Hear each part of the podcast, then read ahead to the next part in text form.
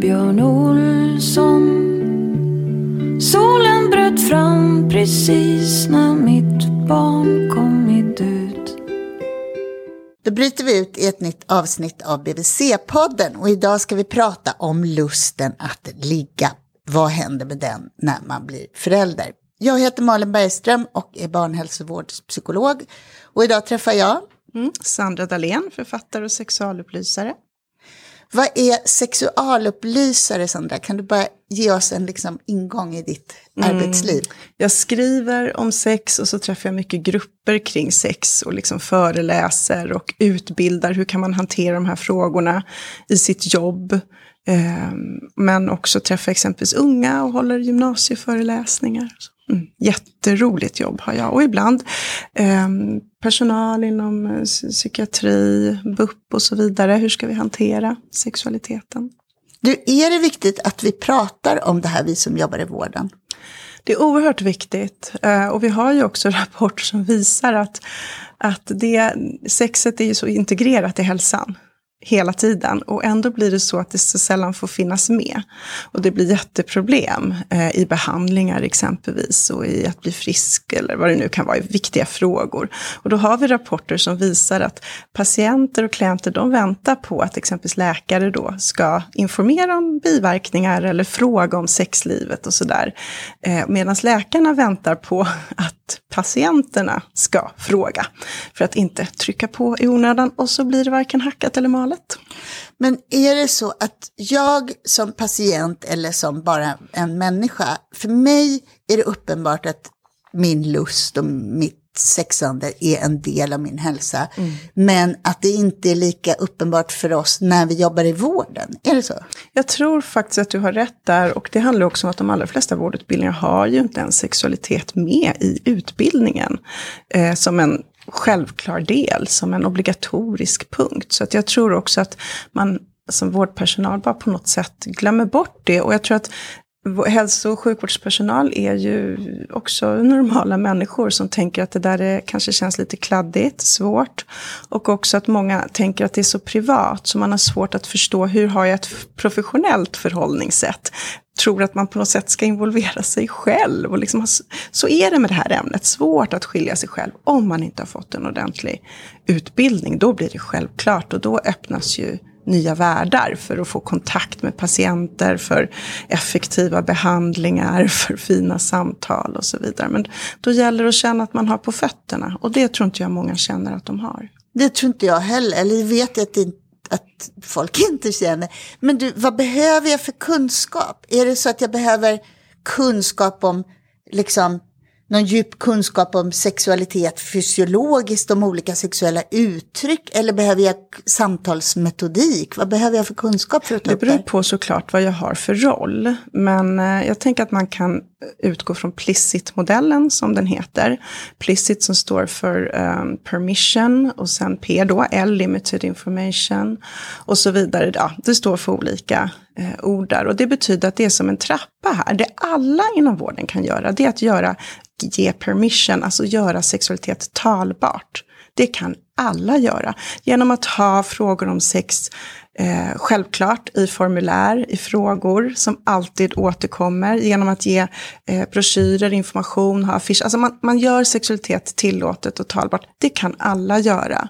Och sen kan de allra flesta också ge, eller då implicit, eh, limited information, lite information. Att någon frågar något och man kan svara. Men också kom ihåg att man kan säga, hmm, jag kollar gärna upp det här mer till nästa gång. Så att det allra mesta klarar vi med de två nivåerna. Eh, eller att exempelvis informera om biverkningar om du tar ett SSRI-preparat. Och att informera om biverkningar kring sexualitet. Det är, alltså det är en... limited information, det är liksom basics. Och SSRI det är alltså det är ganska vanligt eh, läkemedel mot nedstämdhet och depression. Ja, det är ju jättevanligt. Och de är ju lite olika och de påverkar olika. Men en hel del påverkar sexlust eller orgasmförmåga. Eh, så bara som exempel. Och det öppnar upp dörrar och det förbättrar hälsa och det förbättrar kontakt med klienter och patienter och så vidare.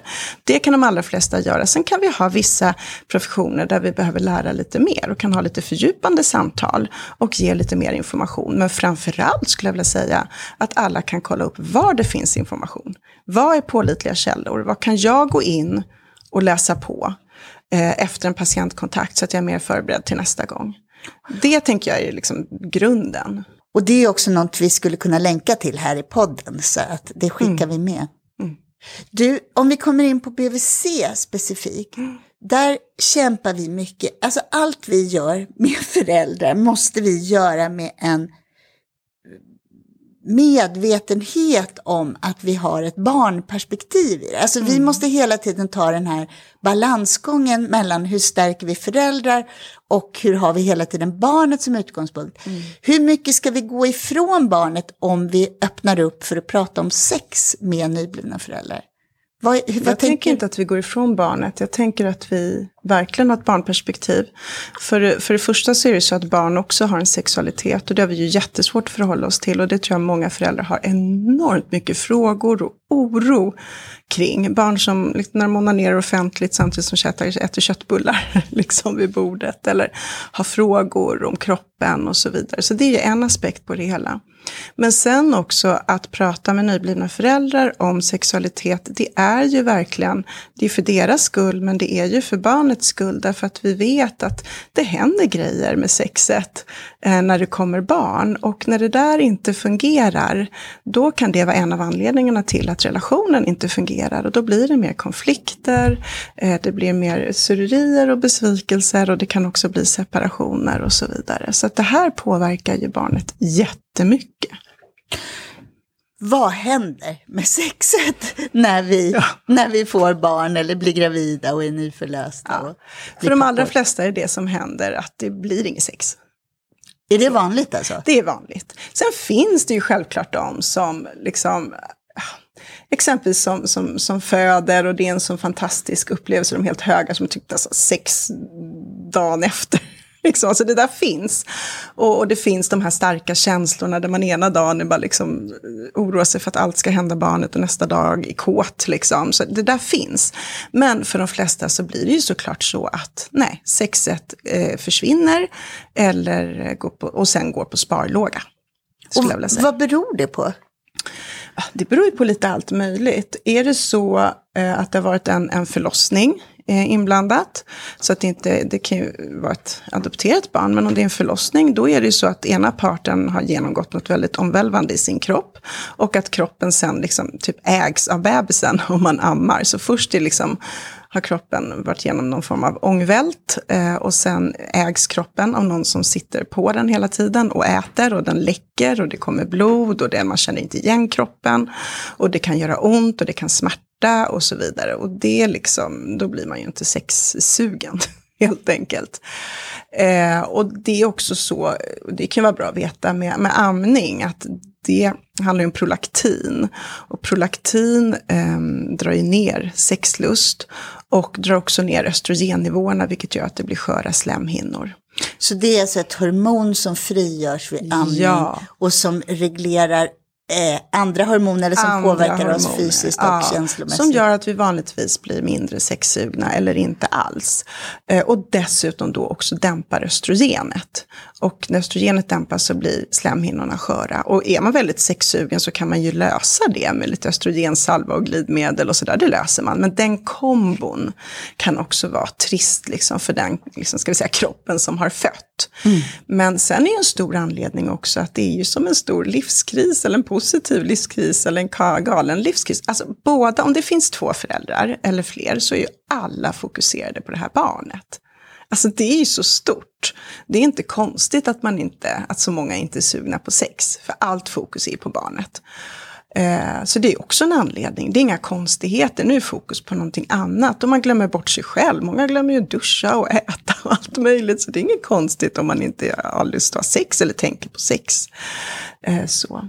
Och sen så tänker jag en tredje stor grej är att barnet behöver ju så mycket fys, bebisen behöver så mycket fysisk närhet. Och det kan man bli lite mätt på. Man vill inte ha någon mer mot sin kropp, på sin kropp. Man liksom, leave me alone, liksom. Nu räcker det, vi behöver inte mer oxytocin, exempelvis det här hormonet som frisätts liksom, vid beröring och sådär. Man, man är så mätt på det, det räcker. Och sen kan det ju såklart handla om smärtor, förlossningsskador. Ehm, det kan handla om att oavsett den som har fött eller inte, kan ju såklart vara väldigt skör mentalt. Eh, det kan väcka massa saker. Vi har ju depressioner, både för liksom, oavsett om man har fött eller inte. Det är mycket som kommer i vägen. Och sen har vi ju sista stora grejen skulle jag vilja säga. Och det är ju sömnbristen. Och den brukar ju hålla i sig. Det här andra är ju i början, allt fokus på barnet, allt fokus på barnet. Men sömnbrist kan ju vara något som, som håller i sig och ställer till det långt, långt senare. Och det menar du är relaterat till min lust? Absolut, därför att när vi inte får sova ordentligt så blir vi sura och vi har svårare att ta pyttesmå konflikter. Vi kan bli ganska egocentriska, vi blir liksom ogina. Nej, men varför, varför ska du uh, få gå hemifrån en timme? Uh, vi vi um, har jättesvårt att hantera liksom, meningsskiljaktigheter, så att konflikter blir ju mycket större. Och om vi får en stund över så vill vi definitivt inte ha sex med sömnbrist, vi vill bara sova. Mm. Så att den här grejen också lite grann, ja men nu, nu har det gått ett halvår, nu ska vi iväg på hotell en kväll, man slår på stort och båda bara somnar liksom. Om det är två stycken då, så bara, skittrötta, det enda, så har man sömnbrist så det enda man vill är ju att få sova. Men det låter som att du, alltså du, du verkligen lägger ut eh, mattan här för att det normala är att inte mm. ligga när man mm. nyligen har fått barn. Mm. Men vad gör det med en relation då? För jag tycker så här, i början och kanske ganska länge så är ju en viktig psykologisk process, det är ju att jag ska börja se dig som min medförälder och inte min mm. partner. Alltså det mm. behöver också få ta mm. plats för att vi ska hitta det här gemensamma föräldraskapet som alltså ungen ska vila i framöver. Men det känns ju ändå lite armt, alltså liksom, är det okej okay att ja, men vi har slutat ligga? Påverkar inte det vår relation på andra det sätt? Det påverkar, alltså för det första så vill jag säga att det här är normalt och det ska absolut få vara så. Sen är det olika hur länge det ska få vara så innan det faktiskt börjar påverka relationen negativt. För det kan vara ganska svårt att hitta tillbaka sen mm. till att vara ett romantiskt par. För det du är inne på, att innan barnet kommer, om det är så att det är två personer som har varit förälskade och skaffat barn, det är ju inte alltid så, men om det är det läget vi pratar nu, så blir det ett helt nytt läge som du säger. Nu är vi liksom ett romantiskt par, men vi är också föräldrar, så vi är projektfamilj här nu, projektföräldraskap. Och det är en helt ny roll.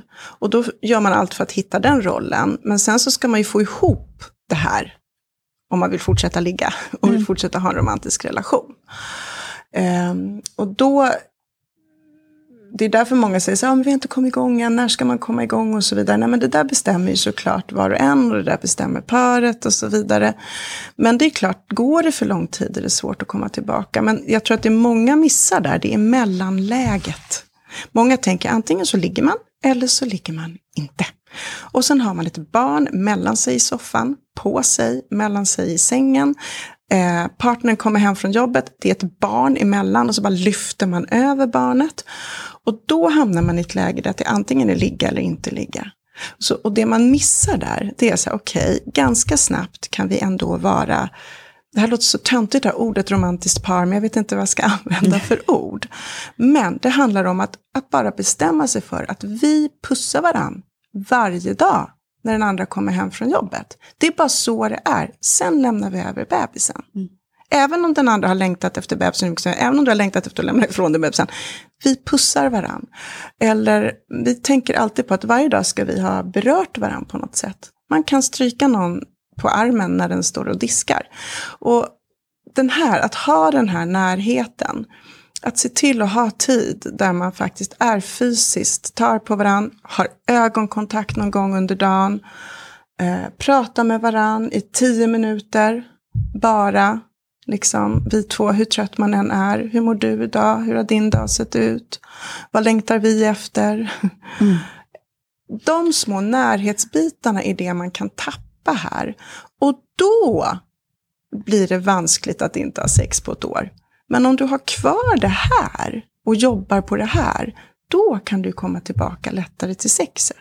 Så ett konkret uttryck för att du och jag hör ihop, också bara du och jag, inte bara som föräldrar, Mm. det är att vi ser på varandra med någon intresserad blick, att Ja. det, det finns en puss eller det finns en Det hand finns på en, en puss, det finns ögonkontakt, det finns eh, eh, att få en puss i nacken. Eh, inte kleta ihop sig med någon som faktiskt inte vill ha mer närhet och är trött på någon som sitter fast. Men att hitta, hitta det här vardagliga liksom, intimiteten som inte är sex. Men som kittar ihop oss som par och inte bara gör oss till projekt, föräldraprojektet liksom, team parents, utan också gör oss till ett romantiskt par. Men sen då? Det här året eller vad man nu, eh, liksom, hur länge man nu avstår från själva liggandet. Hur hittar man dit sen då? För du sa så här romantisk herrgård en helg och så nej, somnar det tror inte båda. jag på. Jag tror inte på de där stora grejerna faktiskt, om jag ska vara ärlig. Någon annan kommer säga emot mig. Men jag tror att många tänker så här, äh, vi, måste, vi måste åka iväg på hotell en helg. Eller? Ja, nej, jag tror på de här äh, att regelbundet, att för ett, ta hand om sömnen. Eh, en sov morgonproppar. Det bara är så. Det finns ingen poäng med att båda ska ha sömnbrist. Utan man måste turas om med sömnbristen. För två med sömnbrist är skitdåligt. Så att man måste veta att i natt kommer jag få ta igen mig, i natt kommer jag få ta igen mig. Man måste turas om där. Eh, vill man ha sex, ta hand om sömnen. Och eh, om du vill fortsätta att vara tillsammans som ett romantiskt par. Sen kan man ju fortsätta vara föräldrar på varsitt håll. Men om man vill fortsätta vara ihop, då, får man, då, är- då är det viktigt att ta hand om sexet. Eh, och sen är det, tänker jag, att få in i vardagen att faktiskt lämna ifrån sig sitt barn. Inte vänta på två år och romantisk weekend. Det, det räcker liksom inte. Det blir för stort. Antingen vill man bara sova eller så blir det bara för stort och pannkaka. Utan att till en början kan det ju vara så här, nej men vi vill gå en halvtimme promenad tillsammans en gång i veckan. Den halvtimmen där vi bara pratar med varandra och får lite luft, så här, även om vi är trötta. Och då kanske det finns en mormor eller en farfar eller en farbror. Men det kanske också finns en granne som kan ha gladeligen bebisen en halvtimme i veckan. Eller låt säga varannan vecka. Alltså det där att hitta spacet, för det är liksom också grunden för sexet.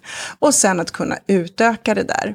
Och inte tänka så här, okej, vi går på bio. Det, det tycker jag är en himla dålig dejt. Liksom. För det är inte så mycket ögonkontakt och prat och man bara går på bio och så går man hem igen. Liksom. Så. så. Eh, ett sätt också tänker jag för sexet är ju att verkligen få den egna tiden. För att om vi bara är med varandra och med barnet, då kan det bli att vi bara längtar bort.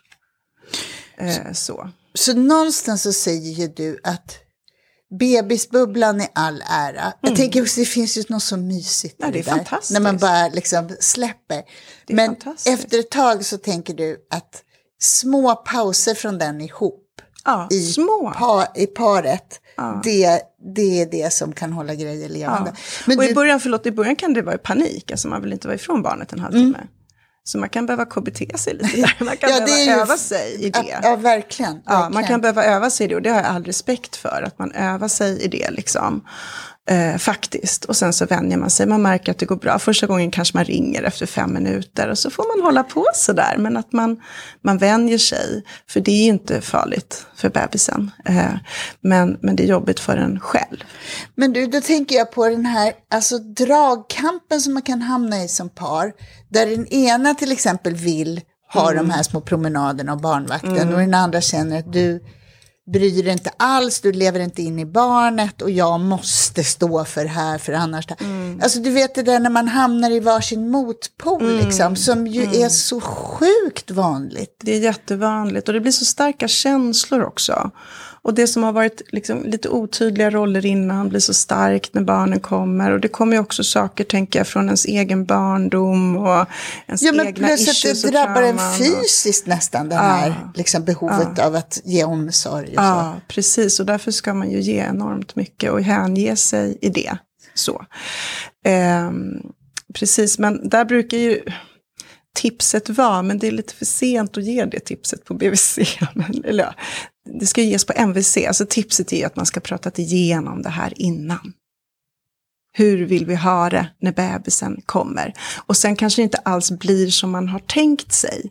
Så då måste man prata igenom det igen. Jag visste inte att jag skulle känna så här. Jag visste inte, vi, vi pratade om att vi skulle fortsätta gå ut och äta middag liksom två gånger i månaden. Men jag pallar inte att lämna mitt barn. Så även om vi har bestämt det klarar jag inte det. Och då kan man behöva sätta sig och prata igen. Och säga okej, okay, vi kör inte middag, vi kör en kort promenad då.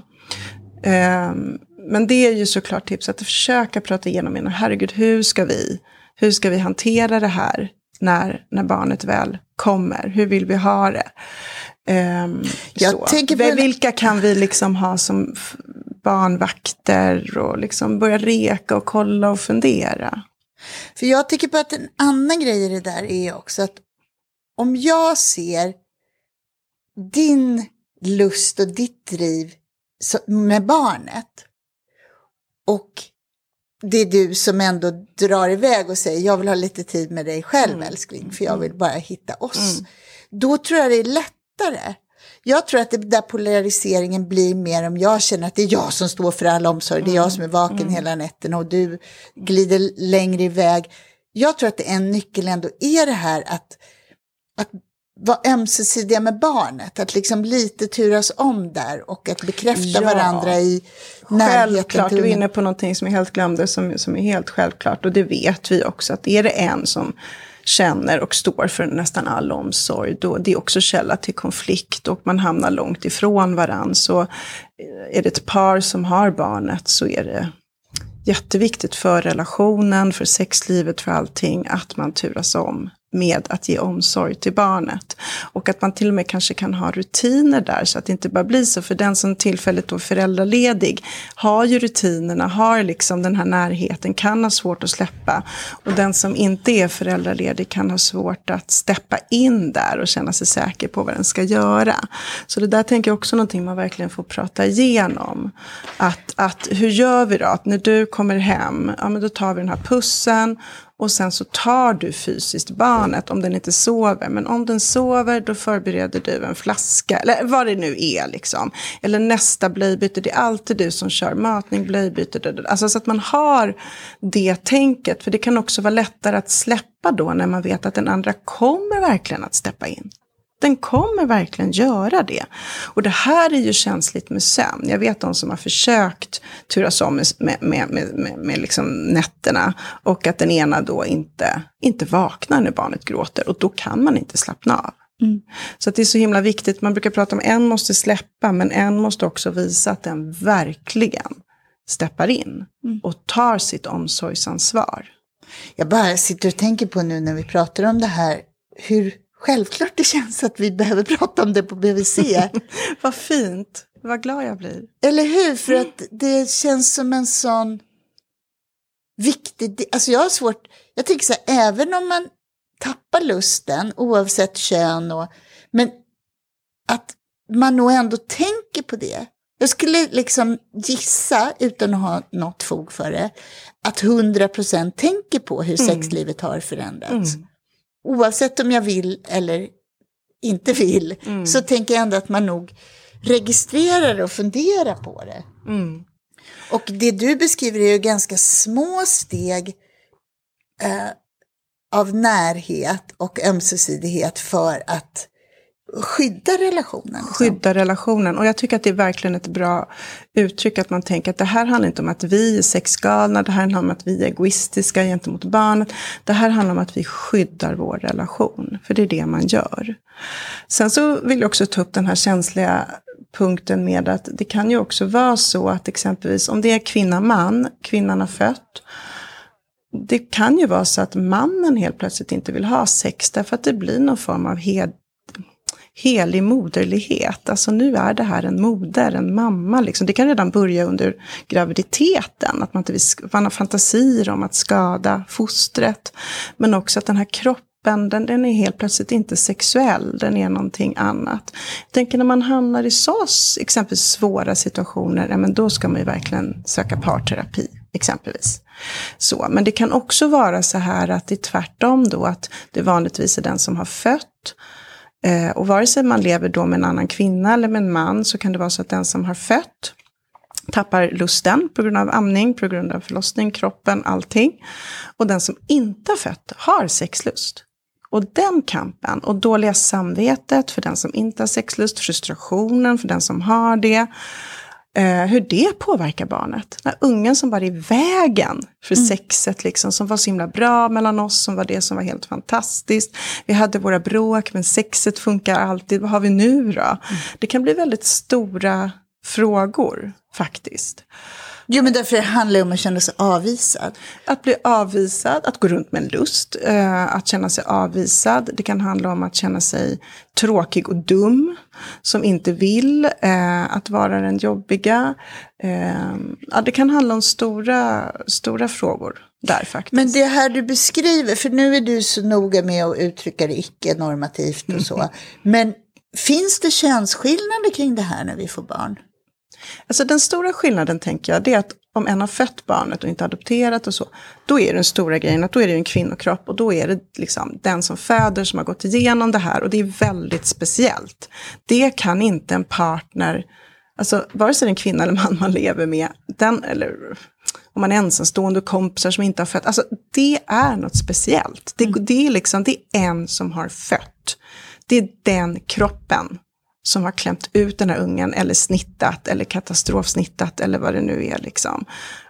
Och det är vanligtvis den kroppen, då, alltså den ammar också. Och barnet äter liksom av den kroppen. Och det är blod, det är avstötning, det är liksom... Och det är våra sexuella organ och våra sexuella organ, om. Det kan vara skador som läker, skador som inte läker. Alltså det är bäckenbottenmuskel, som, muskler som har utmanats och kanske också skadats. Och så. Alltså, det, det fysiska, kroppsliga och också mentala, att gå igenom det, det är så påtagligt liksom för, för den kvinnokroppen. Det är bara så det är. Och, och det måste man tänka, jag, förstå och förhålla sig till. Så snarare än könsskillnader så handlar det om en fysisk och existentiell erfarenhet av en förändrad kropp och en kropp som har upplevt någonting Ja, och som befinner sig i någon form av kris skulle jag vilja formulera det som. Oj, det är ju starkt. Men det kan ju vara en stark positiv, alltså det, men det är någon form av liksom livsomvälvande att, att klämma ut en unge och det som händer med kroppen och att någon äter av ens kropp sen och att man blir så mycket kropp. Mm. Kropp, kropp, kropp, kropp. Det verkar, det läcker, det liksom Eh, och det kan vara glädje i det, det kan vara eufori, men det är ju någonting väldigt speciellt. Sen har vi könsroller på så sätt att män tenderar ju att sexualisera alla känslor, många känslor. Män kan ha svårt att skilja på närhet och sexualitet därför att män är mer fostrade i att vara sexuella och att se sexuella signaler. Det kan vara ett jätteproblem om man som man då inte kan skilja på närhet och sexualitet. Vilket många kan, men många har kan ju också ha problem med det på grund av hur våra könsroller ser ut. Men nu när du säger det, skilja på närhet och sexualitet, så låter ju det som något dåligt. Men samtidigt så säger ju du att det är något fint, att, man, ja. att en sexualitet är levande och att det är det man vill ha. Du är min ja. partner och jag vill ha en sexuell relation ja. till dig, därför det är, det är det som är ja. kittet mellan oss på något sätt. Jag tänker att eh, det är viktigt att din från början och sen generellt under en relation faktiskt kunna skilja på närhet och sexualitet. För då kan vi bibehålla sexualiteten. Alltså det jag är inne på, att om vi, om okay. vi kan sitta nära varann, vi kan pussas, vi kan stryka varandra över ryggen, vi kan ha en intimitet som inte måste vara sexuell. Då kittar det ihop oss och gör att vi sen också kan fortsätta vårt sexliv. Så promenaderna och pussarna. Promenaderna det det. och pussarna ska inte bli en press. Man ska inte känna att så fort jag stryker dig på ryggen eller jag pussar dig, jag kollar dig i ögonen så kommer du förvänta dig att vi ska ha sex. Utan man måste kunna få ha närhet i en relation som bara är närhet. Nu ställer jag väldigt mycket svåra frågor. Jag blir jätteglad. Jag hoppas jag kan svara. Ja. Men om jag nu känner en väldig lust och längtan ja. efter dig för att det är det som vi har haft och för att ja. jag älskar dig. Och sen så ska jag försöka att inte visa det med mina pussar och smekningar mm. över ryggen och promenader. Jag, jag menar, den finns ju där ändå. Mm. Och du kommer ju känna av den. Mm. Jag tänker det är så jäkla mycket skuld och skam i det där. Och, Ja, fast jag tänker också att man kan säga du, du märker att jag är skitkåt, ja men jag tar hand om det, och onanerar extra just nu. alltså det är väl inget konstigt. Mm. Eller för en del par är det jättekonstigt, men jag menar... Du menar att jag, att jag har det här, hur ska jag hantera det för att slippa skämmas och känna, sätta press på dig? för det. Det är fantastiskt att känna kåthet till en partner, att liksom begära sin partner. Liksom, good for you bara liksom embrace that, ha kvar det, ha kvar det i dina onani-fantasier. Men nu kanske det inte är läge, precis i början med en liten bebis, att, att hela tiden agera ut det, för det kan bli en väldigt pressad situation. Mm. Om det är så att din partner då inte är sugen. Det kan också vara så här att det kan vara så, ofta är jag inte det, men ibland. Och då måste man ha någon deal om, hur ska, vi liksom, hur ska jag kolla av om du är eller inte? För att, men jag tror att det viktigaste är att man verkligen känner att jag måste inte, det kommer inte bli surerier, det kommer inte bli silent treatment, det kommer inte bli tjafs. För att det är också så här att det är väldigt mycket lättare att säga ja om vi också är säkra på att vi kan säga nej. utan att det får konsekvenser. Så det är det jag är inne lite på här med att skilja på närhet och sexualitet. Att man respekterar att vi är just nu i olika faser. Eh, mm, sex går upp och ner i livet, det går upp och ner hos oss människor i livet. Och just nu har jag behov av mycket sex, men det kanske just nu inte kan ta sig uttryck med den jag lever med. Vi kanske inte har en öppen relation så jag har inte andra.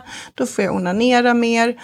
Och sen så får jag glad för den närheten som finns och så får jag vara glad för när vi kanske har sex också. För det, då kan man ha en deal om att vi kan vara nära och sådär men om den som inte brukar vilja ha sex, om den känner lust någon gång, då ska den få ta initiativet.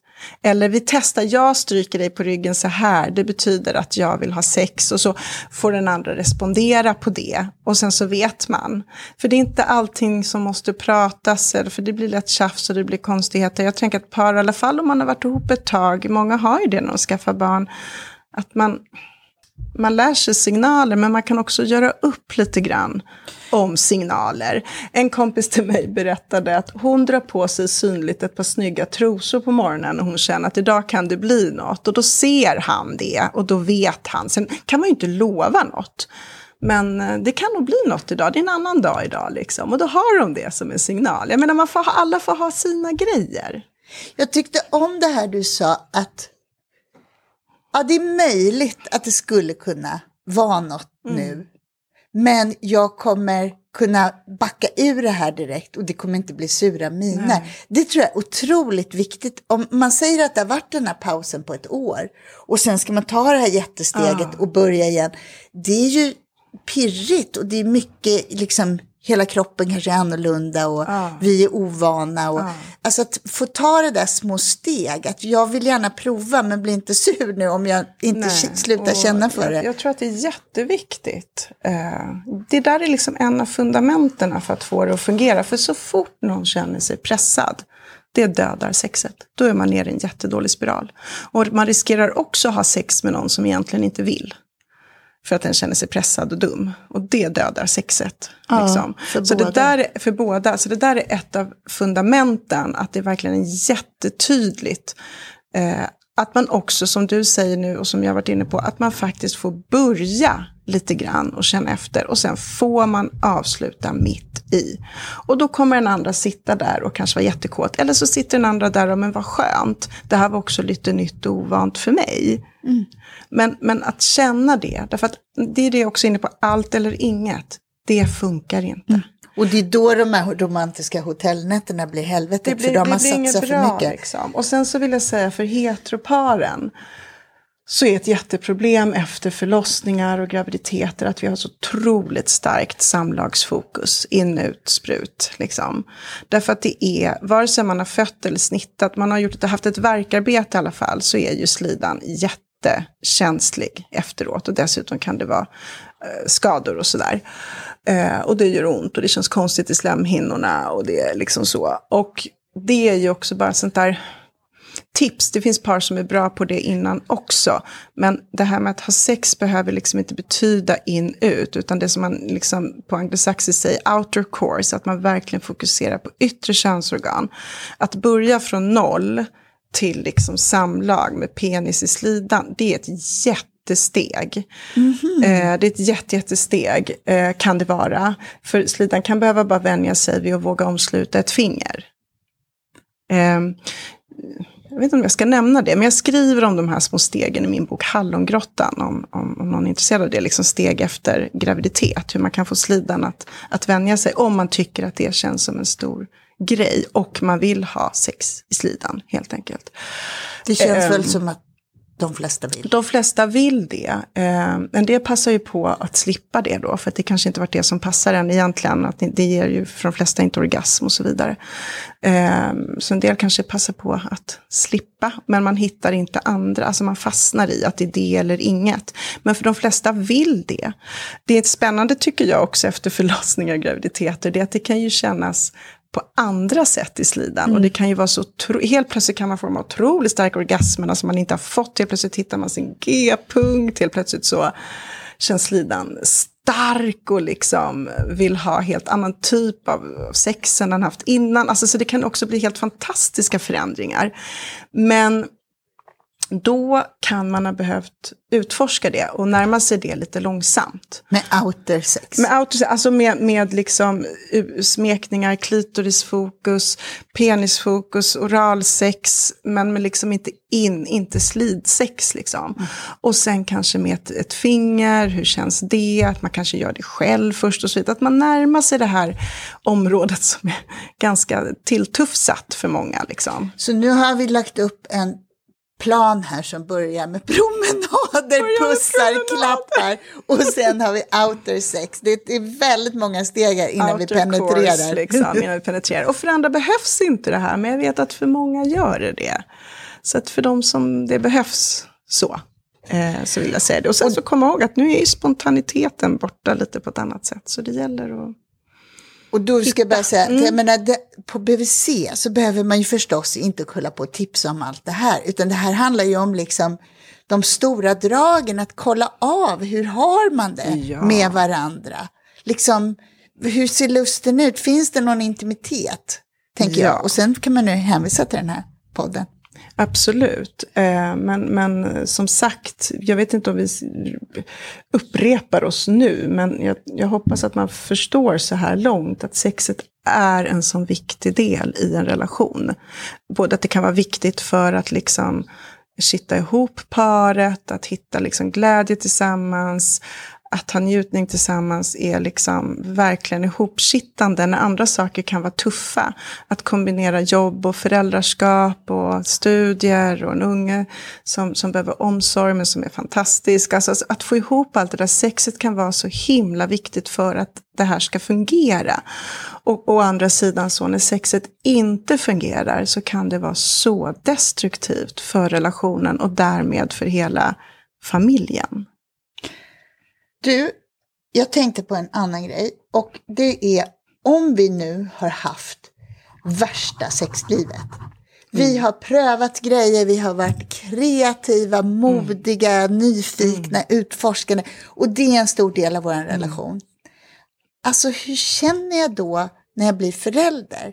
Jag tänker bara hur man kan vara svårt att få ihop det där i huvudet. Alltså, man blir ju lite präktig mm. när man får barn i början. Alltså det handlar så himla mycket om att göra rätt. Man blir väldigt så här inkännande vad andra tycker. Man vill liksom duga, leva upp till normer. Barnen ska fostras in i ett samhälle. Och så har jag inom mig den här lilla galningen som mm. liksom gillar både det ena och det andra. Känner du igen det där? Mm. Ja och nej. Jag tror för många föräldrar så skiljer man verkligen på liksom sitt vuxna föräldrar-jag och sitt vuxna jag och sitt föräldrar-jag. Alltså då man är ju också vuxen, men alltså många ska säga, skiljer ju på det där. Liksom. Och för andra så kanske det kan vara lite svårt.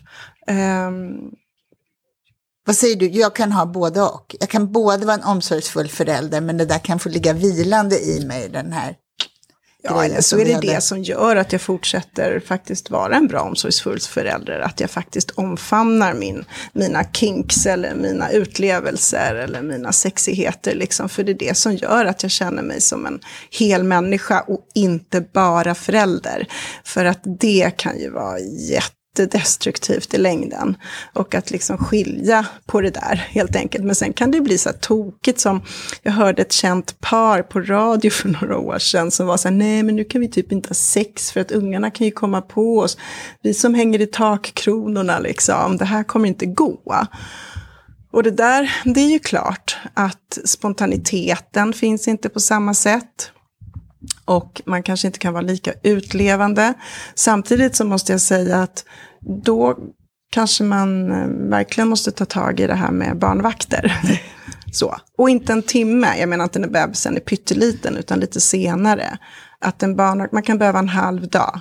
Man kan behöva en halv dag, för man kan behöva gå en promenad, äta en god middag, eh, ligga bredvid varandra i sängen jättelänge och sen komma igång utan att känna att nu kommer någon vakna. Liksom. Eller vi måste kunna plocka fram våra attiraljer här utan att bli påkomna. Eller vad det nu kan vara. Eh, men att verkligen omfamna det. Jag är en sexuell person, thank God. Och det ska jag få vara. Men det kan vara att ibland kan det behövas mer planering nu. Ibland räcker det för sig. Jag, jag vet ju själv av egen erfarenhet. Alltså, en, två, en treåring med padda och hörlurar, för många, alltså de försvinner ju helt. måste jag säga. För en del, det, det, det, kan räcka. De är ju helt väck, de flesta treåringar med padda och hörlurar. Liksom. Men, du, men, ja. men det, du, det tänker ändå att det här med att barnen kan komma på en, att det är en ja, men Det tror jag är väldigt bromskloss. det är en bromskloss och det har vi också faktiskt i, i en forskning när man har intervjuat föräldrar som en anledning till att sexet sinar. Mm. Det är att man är så rädd att barnen kommer på en. Och jag tänker att var inte det. Jag tror inte på att det blir jätteså. Så är barnet hemma, och kollar Bolibompa. Bolibompa sex är så allmänt ett uttryck idag. Eh, så ja, men gör det under täcket då. då. Alltså så att ifall ni blir påkomna så är ni i alla fall under täcket. Eller gör det med en stängd dörr som är lite svår att öppna. Så att om de försöker kraftigt att komma in så hinner man gå upp liksom med täcke om sig och öppna. Om ni nu är i, i, bad, i sovrummet. Så att, så kan man absolut tänka. Alltså barn ska inte behöva komma in i liksom värsta sessionen. Absolut inte. Det där kan man ju korrigera. Men att ett barn kommer på en med att man har sex. Jag kan inte tänka mig på något sätt att det skulle vara. Det kan vara minnesvärt och det kan vara konstigt, men att det skulle vara fruktansvärt. Det, det Som Freud tyckte? Ja, nej men det tror jag faktiskt inte, för att jag tänker i större delen av världen så har folk inte råd att ha barn i olika rum. Och genom våra tider så har vi alltid sovit i samma rum. Jag kan inte tänka mig att de flesta över hela världen och genom historien är jättetraumatiserade för att de har hört sina föräldrar låta under täcket. Liksom. Jag, jag kan inte tro det faktiskt. Däremot ska vi ju inte ha liksom, öppet sex inför barnen, absolut. Alltså, det är jätteobehagligt, alltså, fruktansvärt. Men att de kommer på en någon gång. Barn ska ju såklart inte, en tolvåring ska inte behöva höra sina föräldrar varenda natt och kväll. Det är jätteobehagligt. Man måste vara diskret, man måste respektera gränser. Men att det någon gång skulle hända att man blir påkommen, det kan inte jag tänka är så fruktansvärt, för det måste ju ha hänt i alla tider över hela världen, hela tiden. Däremot får man ju vara lite kreativ och helt plötsligt kanske man måste rensa vinden. Det bara är så att man måste upp på vinden och rensa den igen. Tredje helgen i rad måste man upp på vinden. Just om man vill ha det där spacet. Liksom. Mm. Så det menar du att egentligen så kan man lösa det här? Man kan lösa det här, eh, men det är nytt. Alltså, man kan också hamna i ett läge där man sörjer det som har varit, som du var inne på. Vi hade så bra sex och vi var så experimenterande. Nu har vi knappt sex alls och vi står här med ett barn och vi är bara föräldrar. Och det kan bli en stor förlust över det som har varit. Eh, men jag tror också att man kan hitta tillbaka till sexet, men det kanske också blir på ett annat sätt. Ibland blir det ännu bättre. För när vi väl har det, vi har inte lika ofta, för när vi väl har det så blir det så otroligt bra. Det kan bli bättre för att den födande kroppen har förändrats. Eh, det kan bli bättre för att man liksom måste mm, vara mer snuskig på något sätt för att komma igång. Eh, och det kan bli bättre för att man måste planera, kanske planera in det. Så man måste sextexta varandra en hel dag liksom från jobbet. För att verkligen vara igång när man kommer hem. Härligt. Det låter väl härligt. Så att, men det, kan vara, det får vara på ett annat sätt. Så det kan vara absolut en sorg, men det är också så här, nu öppnas ju någonting annat. Det låter som liksom så här, ett hittare och hitta varandra i det och så att vi går den här vägen tillsammans. Men Mm. när tycker du att man ska ta hjälp då? Hur tycker du man ska se på det här om man inte får till det? Och var får man hjälp med sådana här grejer? Finns det någon liksom rådgivningsbyrå i samhället som kan hjälpa Ja, en? alltså det finns, vissa parterapeuter kan hantera sex. Det tycker jag man ska kolla upp innan. Eh, kommuner kan ha parterapeuter. Jag tycker man ska vara öppen med att säga, kan du hantera sex? För det är inte alla som kan det. Men det finns parterape- vanliga parterapeuter som kan det. Eh, Familjerådgivningen helt enkelt. Ja, helt enkelt. Men det är inte alltid de kan det, så jag säger bara kolla upp det innan. Annars får ni sitta där och känna er dumma för att ni vill prata sex. Liksom. Eh, och sen så finns det ju sexologiska mottagningar, i alla fall i stora städer på sjukhus. Det gäller att hitta dem. Eh, och sen finns det såklart privat också, sexologer. Eh, det är bara att slå på sexologer om, om ni har möjlighet att gå och betala privat, så finns det också. Och jag tänker att när man känner att nej men vi kommer inte ur det här, och det kan vara ganska tidigt, att man känner att jag vill inte att det här ska växa. Okej, vi kanske inte ska börja ha sex än, vi behöver inte ha bråttom, men, men det känns som att det här kan växa till att bli något jobbigt mellan oss. Då tycker jag att man ska ta tag i det. Det är ju helt, jag tycker det är inte konstigt att gå i så här vanlig parterapi efter ett år, att barnet har fötts. Det är att man är i en helt ny situation i livet som man ska hantera. Eh, så jag tycker att man, man ska inte vänta med sånt där. Jag tycker man ska se om sitt hus. Eh, Men sen såklart om man märker att det blir låsningar, vi lyckas inte prata om det här, vi lyckas inte kommunicera. Ja, men ta hjälp, det är så, så dumt att inte ta hjälp. Och även om det känns pinsamt. Ja, även om det känns pinsamt, men då menar jag att det är då man ska vända sig till folk som är experter på det. För för dem är det ju inte pinsamt, för dem är det ju vardagsmat. Liksom. Eh, och att förstå att det här är någonting som jättemånga par kämpar med. Eh, ja. Och kämpar med tyvärr i flera år. Det är det vi ser i forskningen. Att man ska komma ihåg det. Att många kämpar med sexet i så många år. Och det kan resultera i, separation. Och ibland är det bra att par separerar. Alla ska inte vara tillsammans. Men ibland är det så onödigt. Är det fina slutord, Sandra? Mm. Det är det nog. Då bryter vi ut från den här podden och så säger jag varmt tack för att du var med. Tack så jättemycket Malin.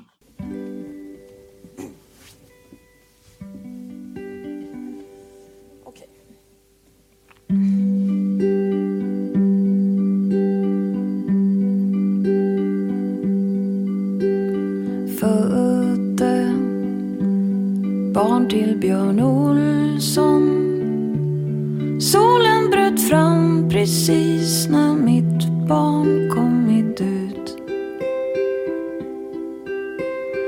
Låg i en pöl av svett och blod. Barnmorskan sa jag såg din spelning på Luleå kulturhus. Hörde fåglarna sjunga om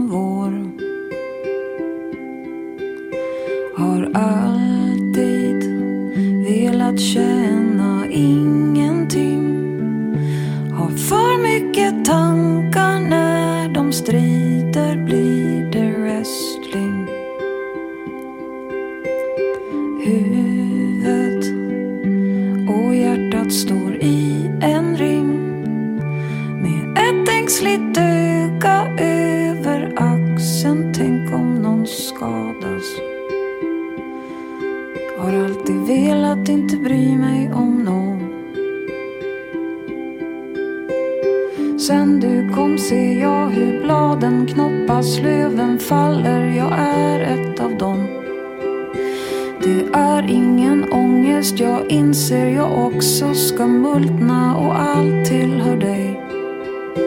Ser himlen åter bli grå.